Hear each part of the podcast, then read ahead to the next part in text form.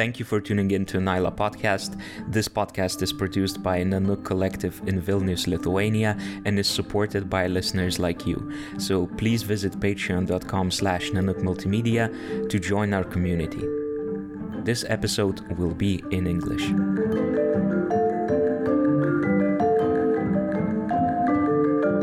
One of the first games that I worked on, it was anywhere between like 80 hour and 100 hour weeks. Essentially, what that means in practice is I go to work uh, at like 9 or 10 in the morning. Uh, I'm at work until about midnight, and then I go home, I pass out, I wake up the next day, and I go back to work.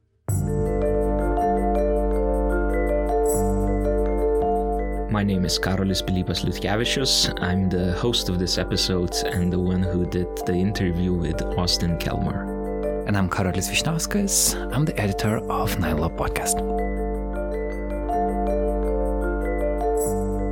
So, what's the last game you played? Actually, it's FIFA 2016 And do you know who made that game? EA Sports. It's in a game.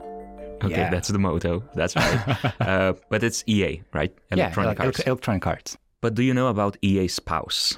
EA Spouse. Yes. Uh, uh, no, I don't. Should I? So this happened in 2004 when a spouse uh, of an overworked partner wrote an anonymous blog about how much abuse in the workplace, and that workplace being EA, does their partner take. In that blog, you could find info about how the person was being treated in EA, working 12 hour days, uh, not having weekends off, having Saturdays, Saturday nights off only for good behavior, and so forth. Uh, so that kind of opened a lot of people's eyes to the behind the scenes of what was happening in the in the gaming industry. Okay, but this was 15 years ago.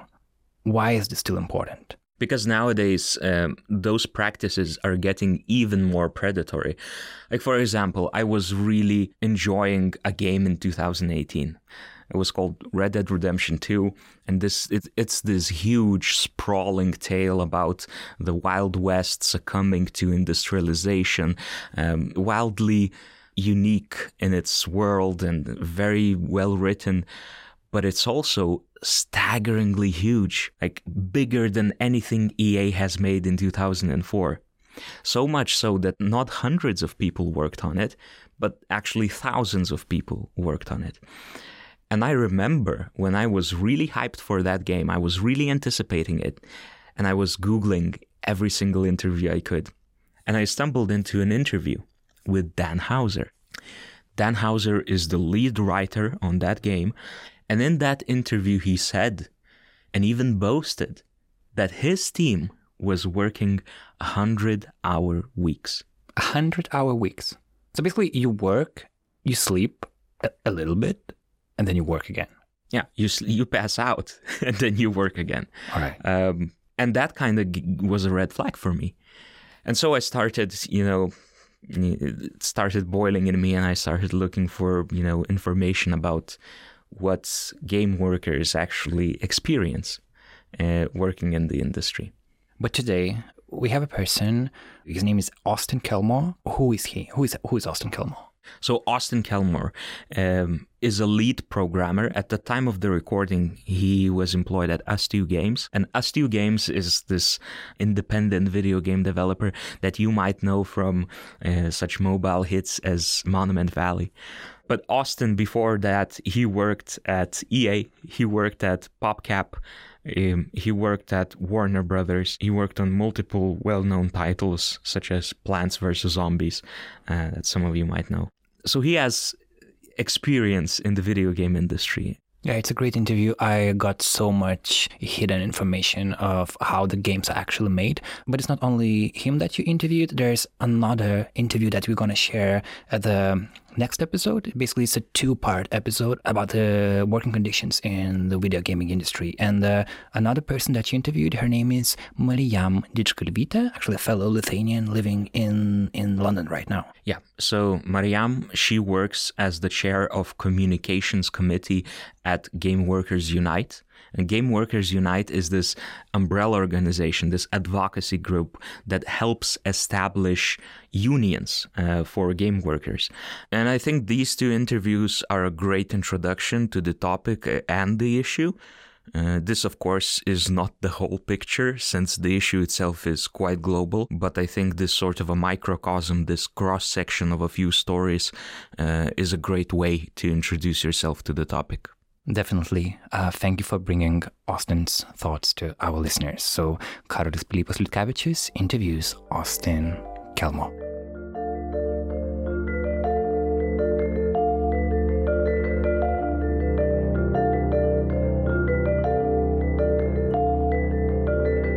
Uh, my name is Austin Kelmore. Uh, I'm an originally an American, but I live in London now, and I'm working as a programmer at ustwo Games.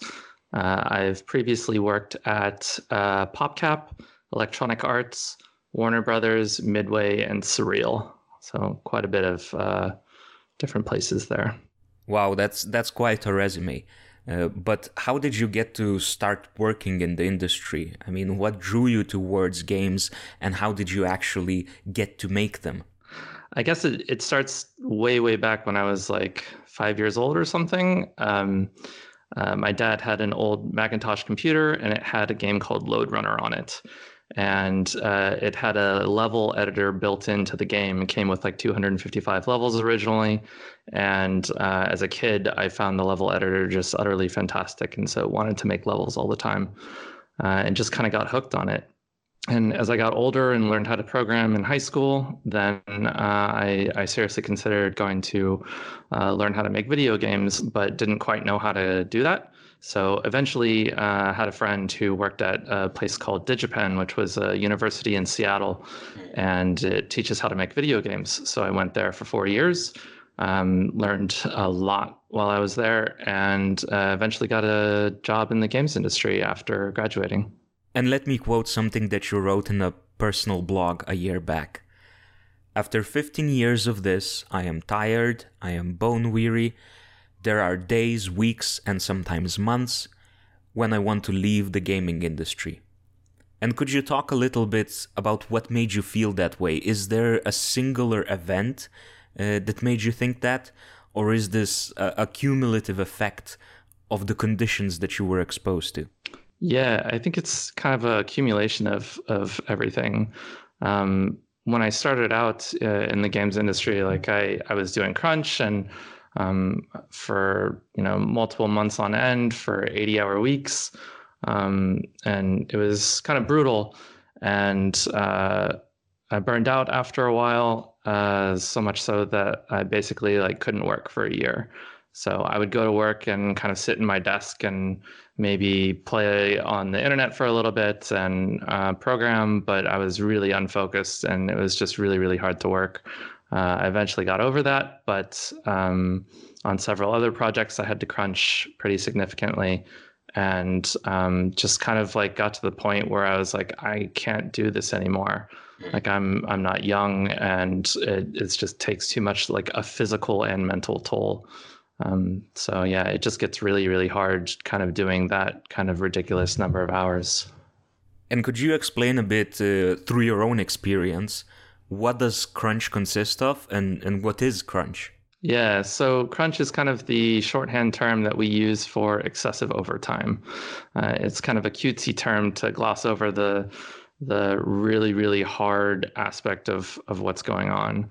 So in one of the first games that I worked on, um, it was anywhere between like 80 hour and 100 hour weeks and um, essentially, what that means in practice is I go to work uh, at like nine or 10 in the morning. Uh, I'm at work until about midnight. And then I go home, I pass out, I wake up the next day, and I go back to work. Uh, that happens anywhere between like six and seven days a week. And as you can imagine, like you don't actually have that much time to yourself. So it, it, um, the rest of your life kind of like falls away to the side. You start getting like actual physical ailments. Like when I crunch for extended periods of time, my eyes start twitching. Um, I have problems sleeping. A lot of people have dependency, like alcohol dependency issues, because they need a way to like calm down and relax after work. And so they turn to that. Um, it is just a whole bunch of issues that kind of come with it that are really, really unpleasant. So, when you decided to pursue this profession, uh, did you have any idea about what's going on inside the gaming industry and, uh, you know, what you will be subjected to? I think so, but I think it was one of those things where like you can read about it and you don't quite understand it until you've lived it. So like I I very clearly remember um, EA Spouse happening, and uh, that was about 15 years ago. Where uh, I, I, don't know if you're familiar with it, but it's basically uh, a team at EA was crunching so significantly that a spouse of one of the employees uh, posted a, a, blog on LiveJournal, and uh, it just kind of exploded. Where she was detailing the horrific working conditions that that her spouse was uh, was working in. Um, and so I remember reading that and thinking, "Oh, that's really really bad." Like um, I I wouldn't want to do that, but then you know it's it's kind of also one of those things where like i really really wanted to make games and so i'm like you know i'm young i can i can deal with it. Like i'm yeah. physically fit and healthy and and it's okay. But it just um i don't know it's it's a it's a very very different experience when you're living in it. And when we started you named a bunch of companies that you worked for. I mean you didn't work for one uh, was that also part of your search for a better workplace environment? Uh, did you think that your work might be valued more uh, somewhere else? I think that is definitely the case when I picked my current employer.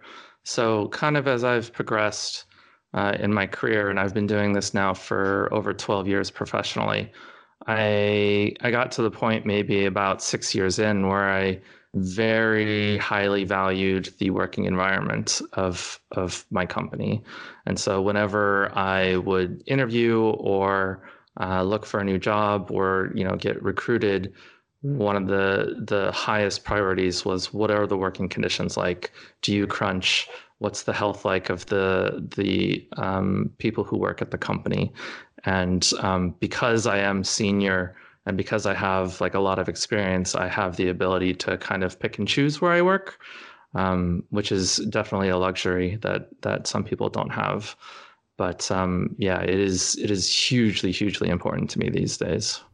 It's quite clear to me that people go into the gaming industry driven by their passion for video games. And of course, there are horror stories about that passion getting abused by the higher ups. But did you feel that personally at any point uh, during your work? You said you read about EA Spouse, so you kind of knew the environment a bit. But was there a moment where you felt personally that your passion for video games uh, was being taken advantage of? Yeah, I think it, it's funny because, like, looking back on it now, I absolutely felt that way. But in the moment, um, you're too close to it, and like it, it, it at the time I didn't feel that way. Um, it was only in retrospect, like after it happening, that that I was able to say, oh yeah, I was definitely taken advantage of. Like, um, you know, working on a project for multiple months at 80 hours a week. Like that's just absurd. It's just you're working like double the time and you're getting the exact same pay. Like it, you're absolutely being taken advantage of. But when I was first coming into the industry, it was really, really hard to see that that's what that was, especially because I knew everyone else around me was doing the same thing too. So I think the the like extended hours are by and far like the the biggest kind of way that employers take advantage of employees. And that's happened to me on like multiple teams at multiple companies. So it's not even like a single company that's doing it. It's pretty endemic to the whole industry so my question is, what was the atmosphere like in those studios where you felt that you were taken advantage of? Uh, how did other people react, and did you get to talk with other people about all this? Uh, a lot of developers, and and I don't know if I necessarily like this analogy, but a lot of developers use the analogy of like being in the trenches, essentially. Like you're in this together it's really really hard. It's really unpleasant but you're getting through it together. And so you kind of like lean on each other to uh, to get through it. The managers often will phrase it as like a oh we have to like band together and work together to get to this deadline.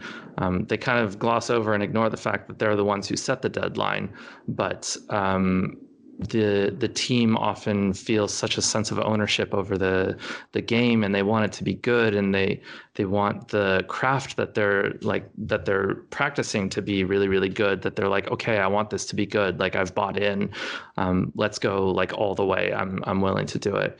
And I think that that passion that you kind of reference earlier is really really a driving factor of this behavior. Like if we didn't have the passion that we do when someone's like hey I'd like you to work twice the number of hours but get paid the exact same we'd be like no no thanks. But because people do have that passion they're like okay yes i'm willing to trade that off. And um, when i was younger i was absolutely willing to do that. But kind of as i get on like i see that it doesn't have to be that way. And in fact like it's harmful to do that. So I think there's this prevalent way of thinking that in order to make something artistic, be it a song, a movie, or a video game, you need to sacrifice something. And you mentioned, you know, banding together, pulling it through, damaging yourself in the process, but in the end making the game better. Uh, how do you battle that way of thinking? And how did you personally stop yourself from thinking that way and yet not kill your passion in the process? Yeah, I think I think that that is absolutely something that is is thought of uh, inside the industry and in other end, entertainment industries. Like I've definitely heard that about music albums and movies and um, games as well. Like it's it's not unique to us. I did maybe kind of believe that a little bit in the beginning, uh, especially because the team that I was on was doing that, and because I was new, I didn't have a frame of reference for like a team that didn't do that. Um, it wasn't until I got maybe five years or six years into my career, I was on a team that explicitly said, we're not going to crunch. Like, it doesn't matter what's going to happen, we're not going to crunch. And seeing how that team functioned and how healthy they were and um, just how clear headed and responsive they were to kind of like everything that came up, it was just a, a total like flip of the switch. It's like, oh, this is how it should be um, this is just utterly astounding how good it is compared to uh, crunching all the time and and trying to rely on that passion, which just doesn't work in the end. So at the start of the podcast, I mentioned Red Dead Redemption 2 and that interview with Dan Houser, where he was seemingly proud that his team was working 100 hour weeks. Do you think it's possible to change that way of thinking in the industry itself? I think it's one of those things where um, it's really hard to explain to someone a different way of doing something uh, and have them buy in when they've been doing it one way for their entire career and their career has been like 20 years or something. Like it's it's really hard to say you don't have to hurt yourself. You don't have to ruin your employees' lives in order to make this game good. There is another way. And it sounds almost like, oh, yeah, you can have your cake and eat it too. And it's like, well, yeah, you kind of can. You just have to be diligent about it. And um, unfortunately, I don't think that telling people is is enough. Uh, which is why a, a, lot of the the kind of like movement with the um, unions are kind of springing up because the workers are essentially like finding out that they have to push from the bottom in order to change some of the behaviors. Coming back to your personal blog post that we started on, uh, it was quite clear that you were constantly questioning yourself whether you should stay in the gaming industry or not. And I'm sure there would be people that would say, just quit you know, if everything's so bad, just quit. And have you ever been confronted with that way of thinking? Um, and uh, what sort of an answer would you give to that? Yeah, I have. Um, and even like sometimes it's it's from myself. Like I genuinely do have that question of of like, is this something I want to do? Um, and I think part of the answer of of why I stay is one, when it's good, it's really good. I really really enjoy making games um, when it's good. And it's hard to think about stepping away from that because games have been um, with me my entire life. Like like I said, like I had that Mac when I was five years old or something like that. I even played Atari before that when I was younger. So it it's just been there with me the entire time, and and it's hard to say that I don't want to think about this anymore. I don't want to do it anymore after 38 years. I don't know. I, I think the the thing for me is that because I love it so much, I want to make it better. And I want to make it better, not just for me, but I want to make it better for everyone else who comes after me and for who, who currently works with me. So if I can make it better and I have the opportunity to, then I would like to push for it, even if it is painful and even if it's frustrating, to try and make it better. So it sounds like it's a constant juggling act uh, between keeping your passion for video games alive and not hurting yourself uh, in the process of making games. Yeah. Yeah, definitely. And it kind of goes in ebbs and flows. Like, um, you know, I'll have a really, really good year, and then I'll have another year that's like not so good and, and kind of makes me question it. Not enough to actually make me leave, but um, enough to make me really question. Like, uh, I got laid off from EA uh, two years ago, and um, while I was interviewing, I was interviewing at a lot of non game companies but uh, I just never found one that that really struck a chord with me that I really wanted to work at in this kind of the same way. You mentioned that you really like making video games, and I think the gamer community is also quite passionate about this medium. They go on forums, they're quite vocal about the games that they like and the ones that they hate. Uh, yet, only in recent years, I started seeing discussions pop up about game studios and what goes on inside them. And you know, I'm guilty of that too. When I was younger, I was writing a lot of video game reviews and I didn't care about what was going on inside those studios. So, what do you think would be a healthy relationship between the gamers and the game developers? And how can gamers build more empathy towards the developers? It's a good question. I think uh, I've been thinking about this for a little. I think the the way that gamers can help is essentially by listening to the game developers and um, try, trusting that they know the experiences that they're living and maybe the best way to try and improve that they also understand. So like if they say you know we would like to work less and that will make a, a better product um, and not like have to crunch all the time then like believe that that that is the way to go about it because they are the closest to the product and they are actively working on it all the time. And it's really hard because I think part of the reason why not a lot of gamers know about the work that game developers do is because out of the big companies, oftentimes the message that comes out is very, very strict, um, very much like regulated of like, this is what you're allowed to say about the game. This is what you're allowed to say about development.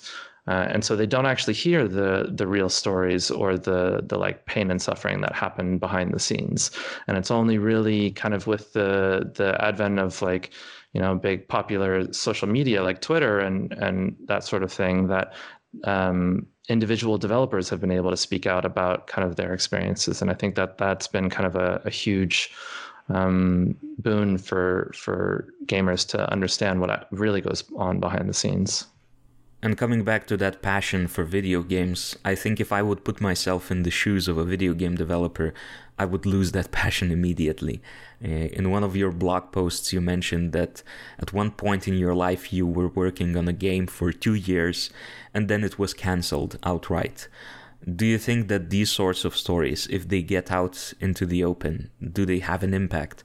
And how should media, journalists talk about these stories? What's the tone for this? Um, I do think that they can make an impact. So after I wrote the the blog post that you're referencing, um, I got a lot of messages from developers, uh, particularly saying, "Thank you for writing this. Like this really resonated with me," uh, and then would oftentimes share their own stories with me of of like the crunch that they've gone through or the experiences that they've had in the industry. And so it's really uh, important to share these. I think because it gets it out into the public and becomes a larger conversation. So in inside the industry, we've known for a very very long time that we've had you know not the best working conditions, and it, this is a, a pretty well known thing.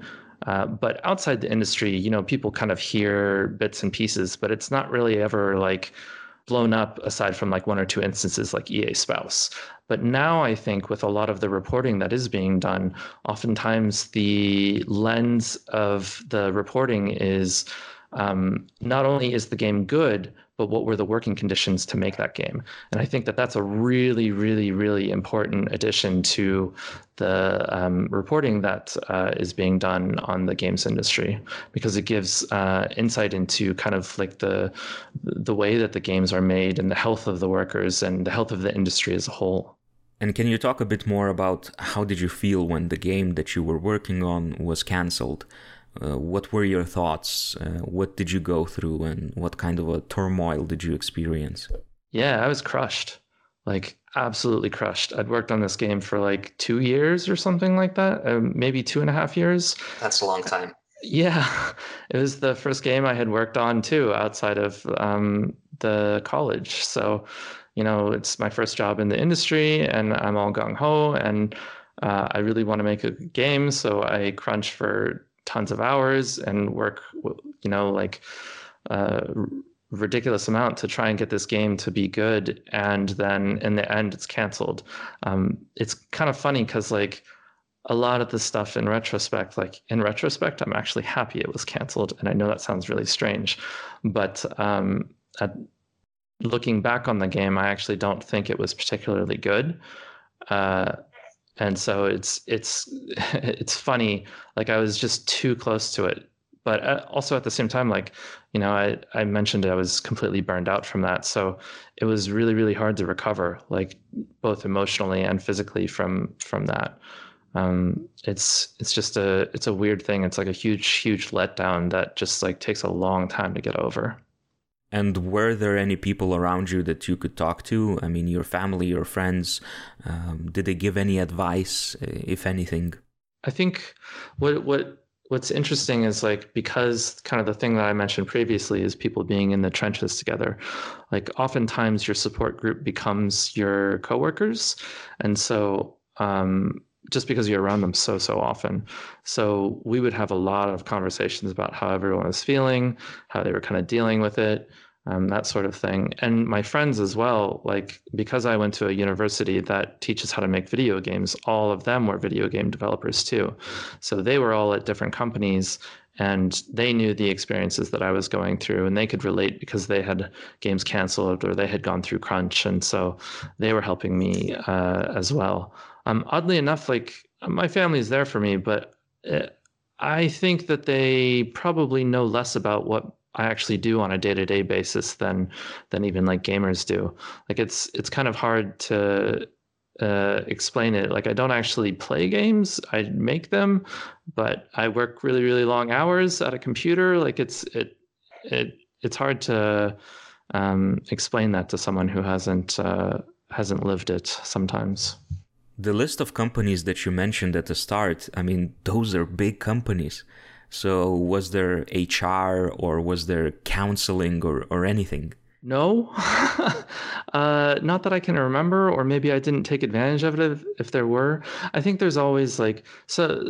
One thing I will say about the the big companies is oftentimes they do have benefits where like you can call um, you know counseling help helplines and stuff like that. They do bring people in occasionally, but it's it's more like uh, you know, they'll give you a little bit of time off, and then you kind of have to deal with the repercussions on your own. Like when I was burnt out, no one really approached me and said, like, "Hey, you're not looking healthy. Like, let's go take care of you first. It was the thing that kind of eventually snapped me out of it was um, I had my boss come talk to me and and say like, "Hey, you're not doing your work," and I was like, "Yeah, I know," oh. and he's like, "Well, you have to do your work."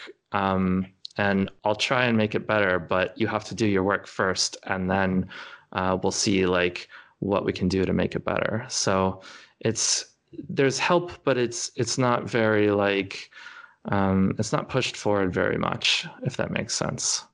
So when I hear these stories, uh, my blood boils and I want to boycott everything because you know in the fashion industry if you hear that H&M is struggling to make sustainable clothes and shows little care for people in their sweatshops you just stop buying from them Uh, but in this case scenario, you know, if I stop buying the game, uh, am I not hurting the developer? Am I not prohibiting him from his pay because I'm I'm not buying the game?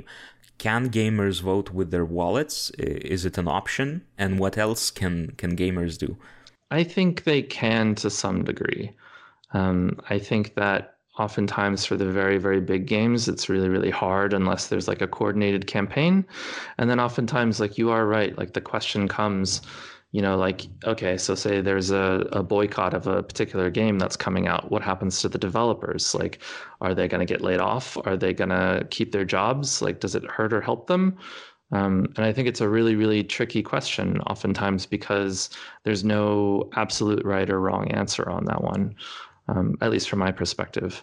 I think the the thing that that I would kind of lean towards is um, if you can ask like a representative of the workers who worked on the game what uh, what they should do. So kind of follow their lead. Um, and so, for instance, like uh, a somewhat relevant thing today is like, uh, you know, Kickstarter uh, fired some union uh, organizers recently, and people are like, should we boycott Kickstarter now? The answer, I think, is like, follow what the organizers and what the workers are doing. Because if you if you boycott too early, and you know you boycott as like one of the first things then uh, suddenly the workers lose a point of leverage. So if the workers have a boycott in their back pocket they can go to management and say like hey either make the working conditions better or you know we're going to organize a, a, boycott or something like that. Like that is an option. But if the the gamers kind of do that of their own accord, then and they're not coordinating with the actual workers, then it could actually harm them in the long run. I think I would just say, uh, as much as you can, kind of follow the workers' lead. Is it fair to say that nowadays video game developers are subjected to more strenuous working conditions? Uh, because it seems to me that you mustn't only make a game these days, you must also work on DLC, on loot boxes, on cosmetics, on patches. Uh, so it's just, you know, you finish the base game, but the work still keeps on going. Yeah, I think it it can be. I d- I don't want to say it's like more or less than it was, you know, like 10 or 20 years ago. I think we're definitely more vocal about it these days, and there's more articles being written about it. But I've also heard horror stories from like 20 years ago. So I think it may have even existed back then. It was just kind of more silent and, and accepted more so than these days. Um, but I do think that, like, um, one of the big things that I've experienced as a, a developer myself is when you go to like live service games that always have to be updated every month that need the DLC that need the the like patches and everything like that if you don't have a healthy work environment and you're shipping every single month or multiple times a month like you burn out very very very quickly. And so i think what happened in my case was uh, the team was like, "Oh, this isn't sustainable. We can't do this," and so flipped the switch the other way, and we're saying, "Okay, we're not going to do this. We're going to figure out how to do it sustainably and healthy," and um, that was kind of like the forcing function of of a team that figured it out the right way. Uh, I, I, don't think that always happens with teams, but I think it it can, and I think it is kind of doing it a little within the industry so in a sense the team pulled together and, and figured out a way. But how did you deal with burnout personally? Because it really does have lasting effects. And how did you you know come out of the situation uh, in a shape? Yeah uh, i don't know that i have good answers for that. Um, i think that might be like a personal thing but for me it was um, trying to like exercise as much as i could trying to take care of my mental health as much as I could, um, trying to just like not do video game or work related things as much as possible. So, yeah, like I used to use before I was a game developer, I used to use video games as a way to relax. Um, and these days, that's very hard for me. Um, only certain games I'll I'll be able to do it. Otherwise, like my game developer brain is still on and it won't turn off. So oftentimes, if I am kind of reaching that that point where I'm worried about burnout or or something like that, I won't turn to video games. I'll turn to something else. Um, so I'm a, a, pretty big rock climber, and I really enjoy that. So I'll I'll focus on that, or I'll run, or I'll play soccer, or or whatever it may be. Like I I try and get out and do something other than than be on the computer. So now knowing what goes on behind closed doors in the game industry, uh, would you have done anything differently looking back at that time when you decided to try and work uh, as a game developer? Any advice for your younger self? I think so. Um, and I'll I, I could tell a story about this actually. So um, one of the like pivotal moments of my entire career was uh, shipping a game while I was uh, planning a marriage at the same time. Uh, I highly recommend not doing that, by the way. But um, I eventually reached a, a, breaking point where I couldn't do it anymore. Like those are two very, very big life events, and uh, it's hard to have enough time for both.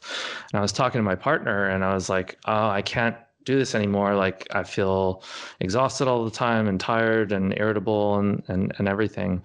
Um, and so I was talking to them about, you know, maybe I should go to my boss and say, like, I don't want to do this anymore. I don't want to crunch.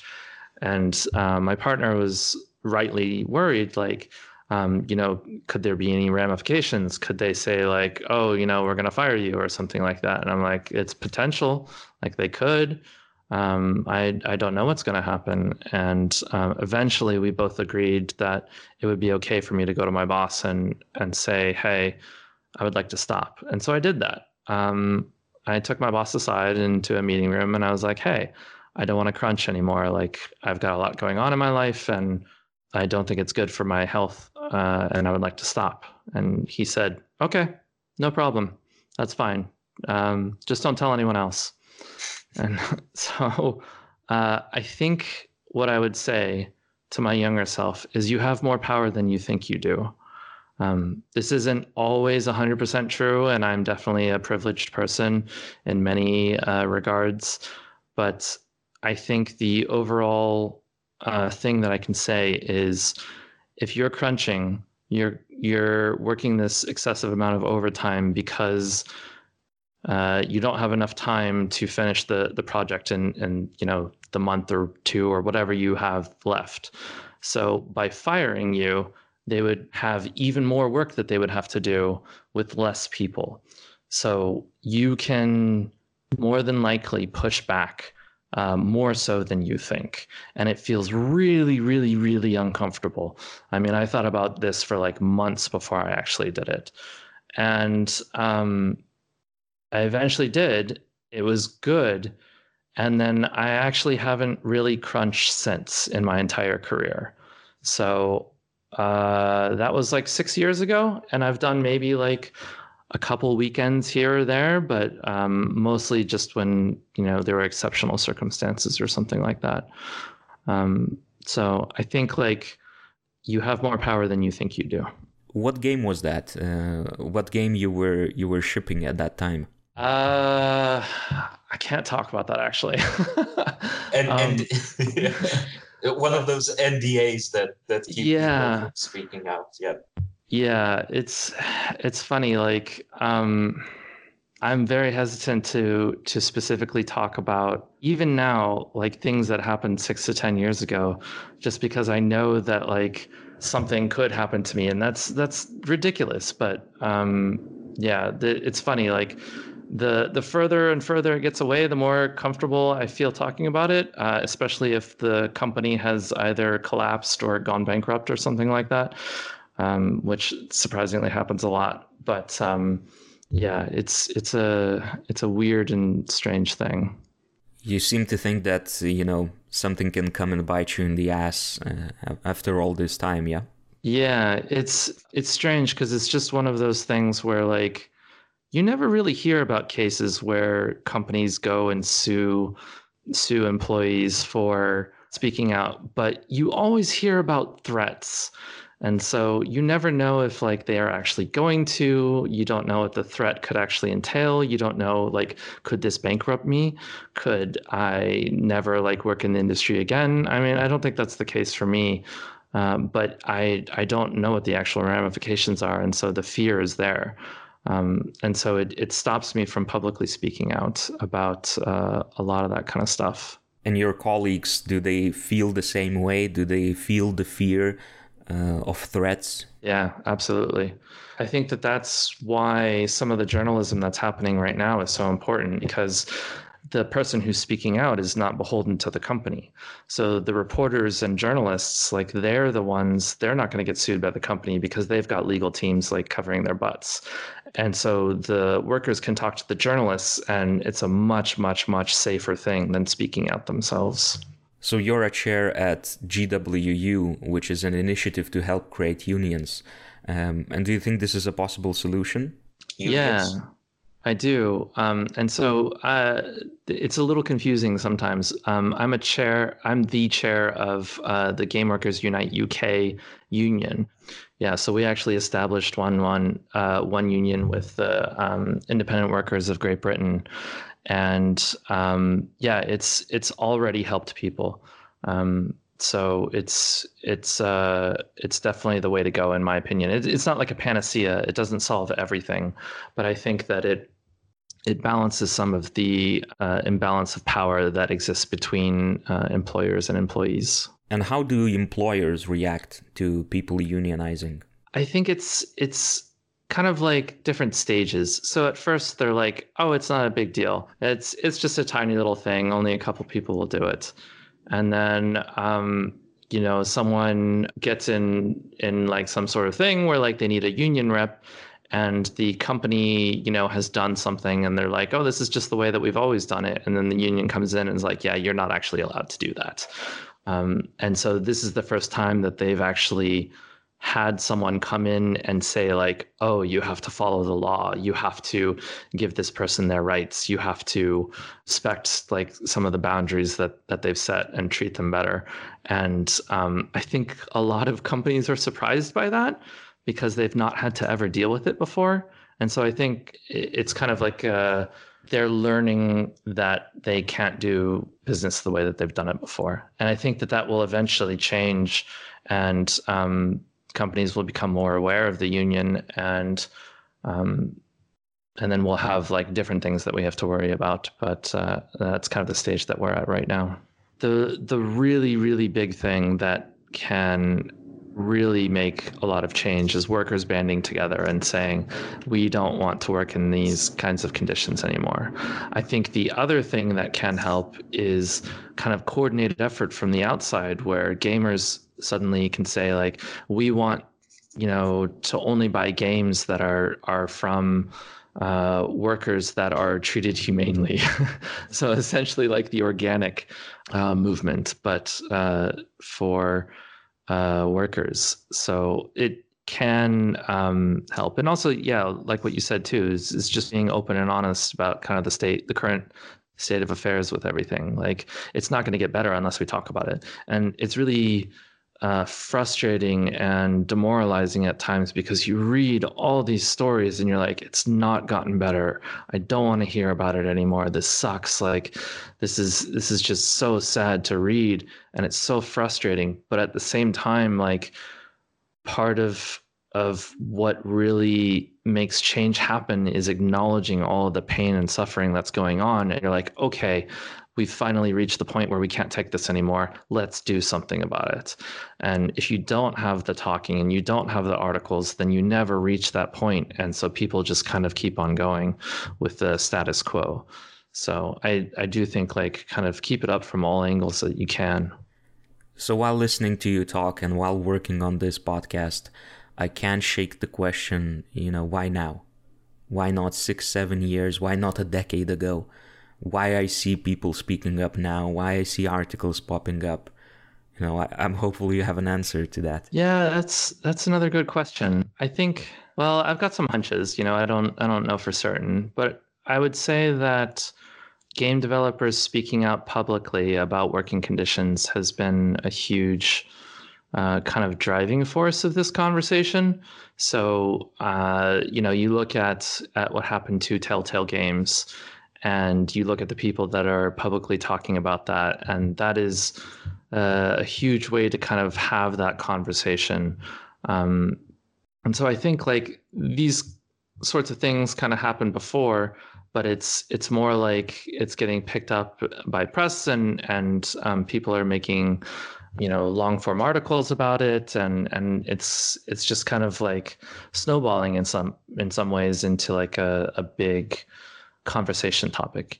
And i think the other kind of um, underlying thing that is influencing this and and I'm not 100% on this but it's just kind of a, a theory is kind of the whole state of of the world in the moment. Um, but just kind of like a, a lot of the concerns with with like the working class and um, and the imbalance of power and the um, inequalities in, in like pay and stuff like that like that's becoming a big topic as well so uh, it, it's a it's a way to kind of continue that conversation within our industry. There's lots of articles about how big the game industry got, and that means that it encompasses not only the Western world, but also the Eastern world. And that in turn means that there's game developers somewhere in China working on content that's been outsourced by Western studios. And I can't help but to think that the working conditions that people are exposed to in China, for example, uh, are quite worse than what we have here in the Western world. So, can anything be done to help them out too? Yeah, that's a good question. I think um, improved working conditions helps everyone. Um, even across uh, across the globe. And I think that if if workers really want to improve things kind of globally and have solidarity with people who work, um, you know, maybe the outsourcers or the um, the the people who work at night, like QAing their their product, that they can like if they push for for better working conditions at their own place, they should include the people um, across the globe that are also working on the game. So um, I I really do believe that like. Uh, improved working conditions at home can improve working conditions across the globe too. And before we finish our conversation, Austin, I just keep holding on to that feeling of fear that prohibits you from, from mentioning the precise game you worked on a few years back because of threats. Uh, what would need to happen for that fear to go away? I would love to see all the big companies revoke their NDAs around working conditions. That would be huge for me, um, because there's there's one aspect of it which is like, you know, big companies don't want people talking about the products that they're working on uh, because there's like marketing budget and everything. That totally makes sense. Like, don't talk about things that aren't announced. Don't leak you know, new uh, consoles to the press, like all that kind of stuff. Totally makes sense. Um, but what what doesn't make sense or makes doesn't make sense to me is uh, having those NDAs around working conditions. All that does is allows the companies to keep abusing the workers without them being able to speak out about it without fearing retribution. If like the big companies like EA and Ubisoft and Rockstar suddenly said you are allowed to talk about your working conditions, there will be no retribution. Could you imagine all the stories that people would tell? Um, I would I would absolutely love to see that.